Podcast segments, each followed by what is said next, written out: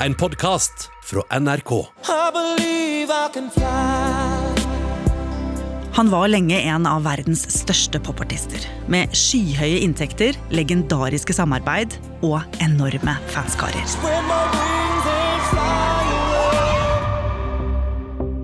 Samtidig gikk ryktene om ham. Do you like teenage girls? When you say teenage, how are we talking? Girls who are teenagers. It's pretty clear he thinks R. Kelly has an issue with underage girls. Og for litt siden ble R. Kelly dømt for menneskehandel og overgrep mot mindreårige etter en opprivende rettssak. Etter decades of suspicion and allegations, a jury finding the singer guilty of racketeering and sex trafficking. Nå risikerer han resten av livet i fengsel.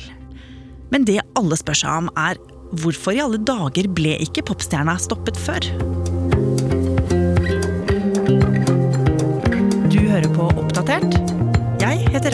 Heter Det første jeg tenkte da jeg så R. Kelly få dommen, var jo først og fremst bare en følelse av lettelse for at uh, dette monsteret her endelig får som fortjent. Sandeep Singh er programleder i podkasten Musikkrommet på NRK. For det sjuke med denne saken her er jo at uh, vi har jo egentlig fått dette her i drypp gjennom hele karrieren hans, disse overgriperske tendensene, både gjennom musikken, det at han har vært inn og ut av retten, men likevel så har han sluppet unna hver eneste gang. Chicago-fyren Robert Kelly kom inn i eh, R&B-en som et unikum på 90-tallet. Jeg husker jo dette godt eh, fra barndommen. Eh, jeg hadde fått meg en liten sånn 14-tommers TV på soverommet mitt og så på MTV med veldig lav lyd på kveldene. Og det var jo da R. Kelly sine videoer ble spilt. For de var jo ekstremt grove.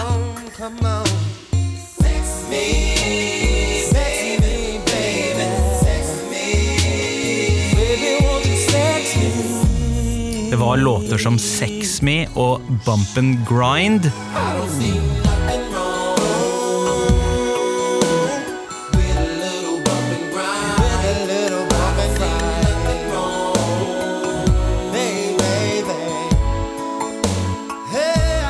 Og på det tidspunktet så ble jo han sett på som forfriskende ærlig om sin hedonisme.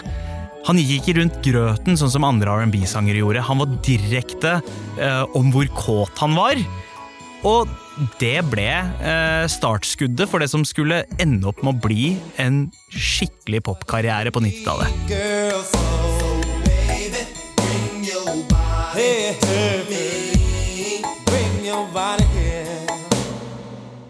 Og dette her var jo også en fyr man kunne like. Det var mange som heia på han. Ja, altså Når du kommer fra sosialboligene i Chicago, ikke er skolert innafor musikk, men likevel viser deg å være et slags popgeni, self-made i tillegg, da er det jo meninga at man skal heie på han. Men ganske raskt, Sandeep, så begynte det jo å bli snakk om hans eh, litt spesielle seksuelle preferanser. Ja. For i 1994 så giftet han seg. Med Aaliyah, en ung R&B-stjerne som han selv har oppdaget og løftet frem.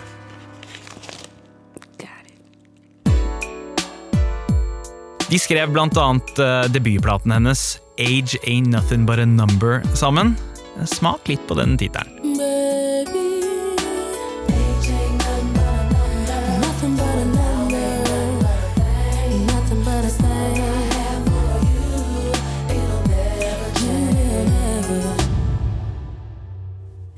For noen mente jo at det var noe som ikke stemte med dette ekteskapet. For hvor gammel var denne jenta egentlig? Og det fikk jo folk snart svar på. Ja, For bare måneder etter så ble ekteskapet annullert. For det viste seg at uh, Aliyah ikke var 18, som de sa hun var, men at hun faktisk bare var 15 år gammel. Hip hop star R. Kelly did indeed marry his protege, the 15 year old singer Aaliyah Houghton. The Detroit High School of the Performing Arts acknowledged that Aaliyah is, in fact, a 10th grade student there. Whether or not she's in legal trouble for passing off fake ID remains to be seen. We will keep you posted.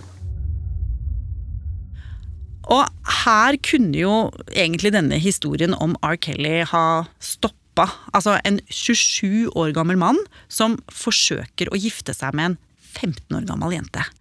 Men det skjedde faktisk ikke.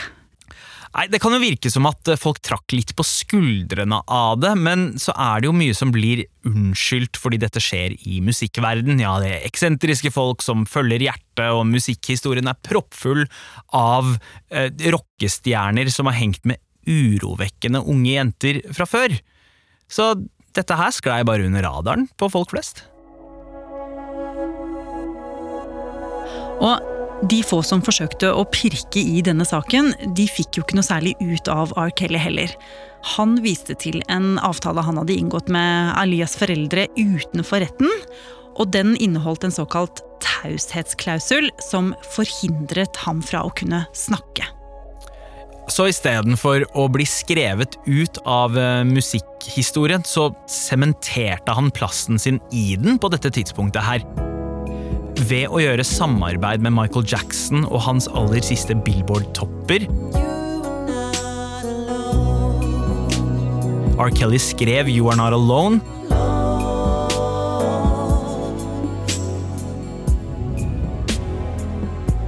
Han eh, begynte å gjøre låter til barnefilmer, som Space Jam.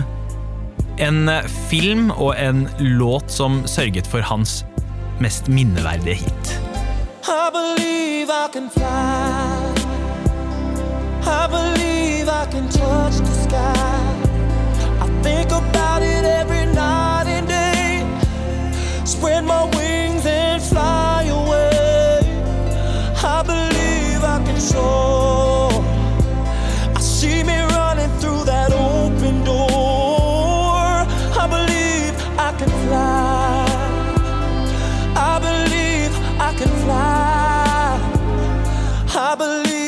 can fly.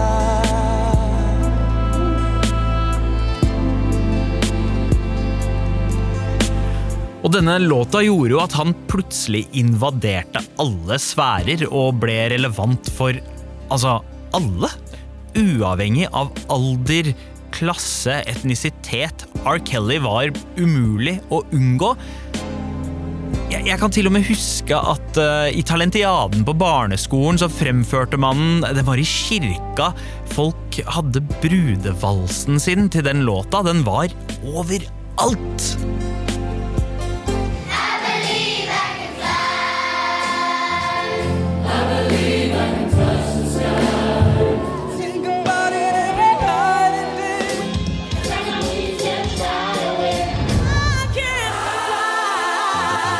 Og det førte jo til at R. Kelly ble 90-tallets mestselgende R&B-artist. And the R&B Hip Hop Artist of the Year is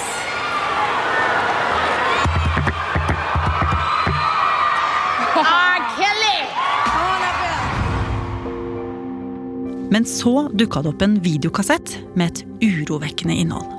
Ja, Tidlig på 2000-tallet så eh, fikk Chicago Sun-Times eh, tak på et videoklipp som viser en mann som har eh, sex med en ung dame og urinerer på henne.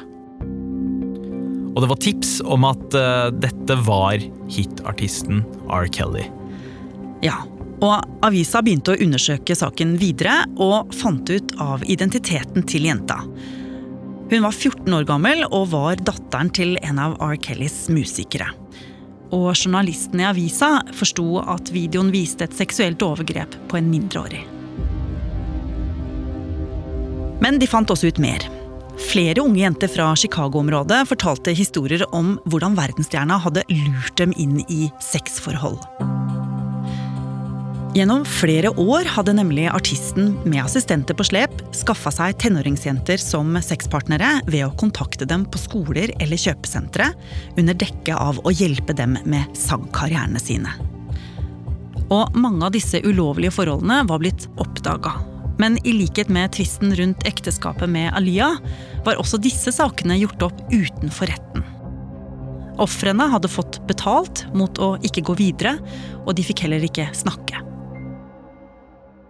Man skulle jo tro at dette førte til noen ramaskrik, men nei da, eh, folk flest hang seg opp i videoen og det litt rare innholdet der, at han rett og slett tisser på en jente.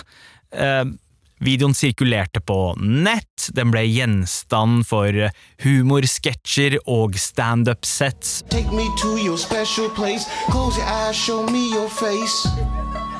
I'm gonna piss on it. Og man tok egentlig ikke inn over seg alvorligheten av det, fordi hele verden sto jo der og egentlig lo av R. Kelly, heller enn å våkne opp og tenke «Ah, her er det seksuelt overgrep på gang av mindreårige. Ja. Og hvorfor var det ingen som brøy seg om akkurat det? Ja, Man driver og diskuterer dette her opp og ned, og det er en ganske sammensatt uh, grunn. Noe av det handler om at uh, ofrene er eh, svarte jenter. Ressurssvake jenter, gjerne. Ikke akkurat de som blir hørt i amerikanske medier og i rettsvesenet. Og en annen ting er jo at uh, R. Kelly, som eh, har klart å hypnotisere en hel verden med sin kjendisstatus, han fremstår som en ekstremt flerdimensjonal type. Han er den fyren som er eksplisitt ærlig om sin kåtskap, men kan lage hjertevarme ballader. Han, han, det er nesten så man føler at man kjenner han, fordi han viser så mange sider av seg selv. Mens ofrene, de er helt anonyme. Sensurert. Ingen navn. Vanskelig å knytte følelser til der og da. Så det er enklere for en verden da, på dette tidspunktet, å ta side med en person man føler at man kjenner.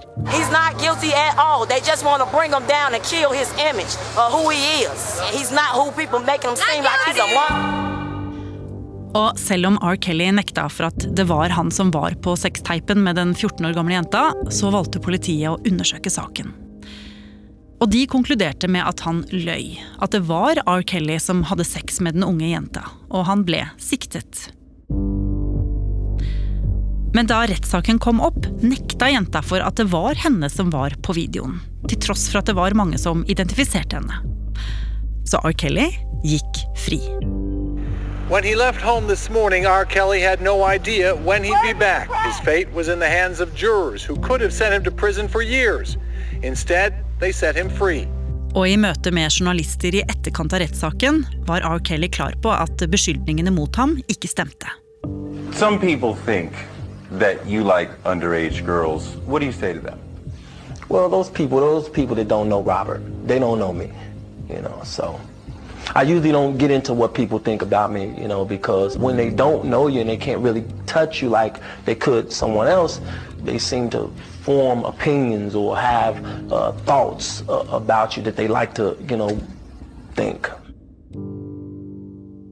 På dette tidspunktet her så var det jo øh, folk som begynte å ta avstand fra han. Men så fikk han også en ny heltestatus. For vi må ikke glemme at dette her er i USA, og det er en svart mann som slipper fri ut av rettssalen. Og det var ikke folk vant til. Det å se en svart mann komme seirende ut av et system som er rigga for at du skal tape, bare det i seg selv kompenserte for hva en gjerning han var mistenkt for å uh, stå bak. Så karrieren den fortsatte egentlig bare. For R. Kelly, han betydde fortsatt penger.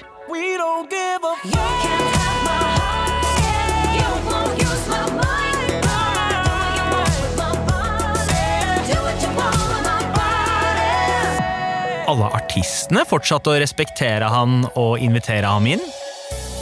Lady Gaga, Jay-Z, Justin Bieber Altså, alle fortsatte å jobbe med han.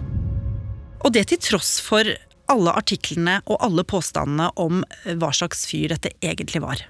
Ja, men du må jo huske at han var jo frikjent. Og eh, som de sier, big star, big target. Eh, var vel mye som ble unnskyldt med at ja, sikkert bare noen som prøvde å klore seg fast i suksessen hans og pengene hans. Hvis man la godvilja til, eh, så er det jo lett å tro på det. Men mange i media hadde bitt seg fast i saken. Og da metoo eksploderte i 2017, så slapp nettstedet BuzzFeed en sak om R. Kelly. Nettstedet hadde intervjuet flere unge jenter og deres familier som mente at R. Kelly hadde forgrepet seg på dem. Og i januar 2019 kom dokumentaren 'Surviving R. Kelly'. En serie som virkelig skulle forandre alt. Robert said, Don't believe everything you hear. R. Kelly has been charged with multiple counts of sexual assault. There's a difference between R. Kelly and Robert. R. Kelly Kelly's this fun, laughing, loving guy. But Robert is the devil, is the devil. Mute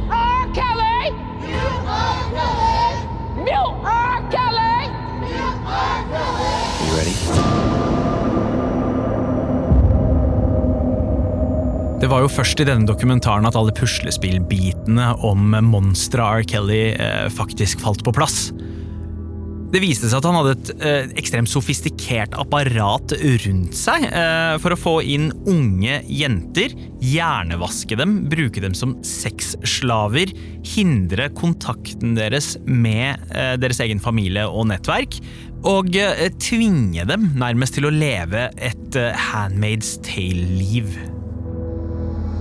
I was a part of a suicide pact. If he was to go to jail, I was supposed to kill myself. And I'm sorry, I'm getting emotional. Og også andre medier intervjuet kvinnene.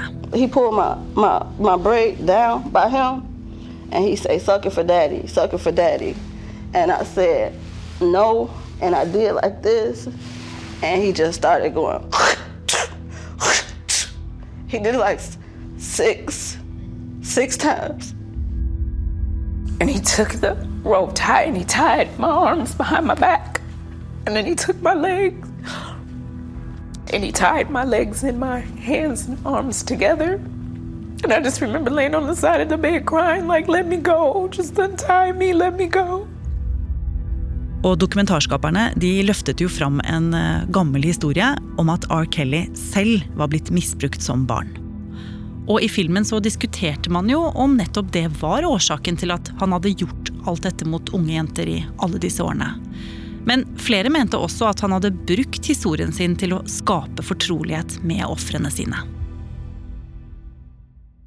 Og det var jo først etter denne dokumentaren at folk begynte å ta avstand fra han. Både bransjen, tidligere samarbeidspartnere, eh, folk i apparatet hans begynte å eh, snakke ut, og skjønte egentlig hvor alvorlig og brutalt det hele var.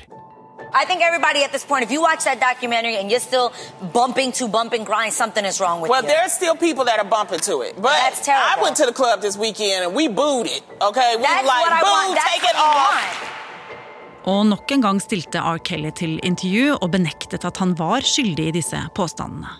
Denne gangen eksklusivt hos CBS This Morning med Gail King. You have never held anybody against their will. I don't need to.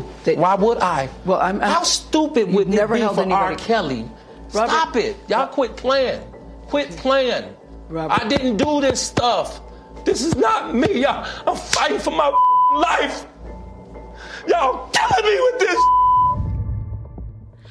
Men uansett hvor hardt R. Kelly prøvde. Etter at dokumentaren ble sluppet, kom det inn flere anmeldelser til politiet. Annet politiet i New York. Og nå i høst så startet altså rettssaken mot ham, der han sto tiltalt for menneskehandel og overgrep mot mindreårige.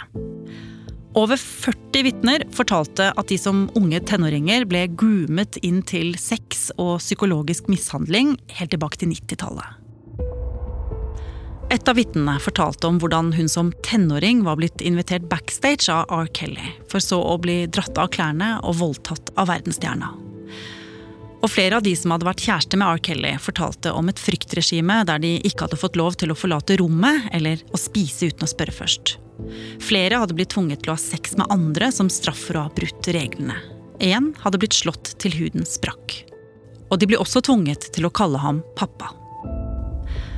Det kom også fram at mange over lengre tid levde i fullstendig isolasjon, uten mulighet til å snakke med foreldre eller andre. Og i sluttprosedyren sa aktor Elizabeth Gaddis at Kelly straffefritt kunne utnytte disse mindreårige jentene ved å styre sine medarbeidere, sjåfører, livvakter og assistenter med jernhånd. Og til sammen utgjorde R. Kelly og medhjelperne hans et organisert kriminelt nettverk. Og nå for kort tid siden kom altså dommen. A court in New York has found the American singer R. Kelly guilty of sex trafficking and racketeering. He was convicted of running a scheme to sexually abuse underage girls, boys, and women. After weeks of testimony from some 50 witnesses, he faces potentially decades in prison. Han ble dømt og må sannsynligvis sone resten av livet sitt i fengsel. Sandeep, du har jo altså fulgt av R. Kelly fra du var barn og så han eh, i vågale videoer på MTV. Det at det har nærmest hatt en mannsalder å få han dømt, hva tenker du om det? Jeg tenker at det er eh, naturlig at det skjer nå. Etter at eh, metoo-bølgen har skolert en hel verden i å se ting fra offerets perspektiv. Nå er ikke ofre bare vandrende sensurflekker uten navn. Nå veit vi hva de heter, vi veit hva historien er, og det blir mye lettere å bryte hypnosen av kjendiseri som har ført til at folk som Harvey Weinstein, Bill Cosby og nå R. Kelly har fått lov til å holde på så lenge som de har gjort.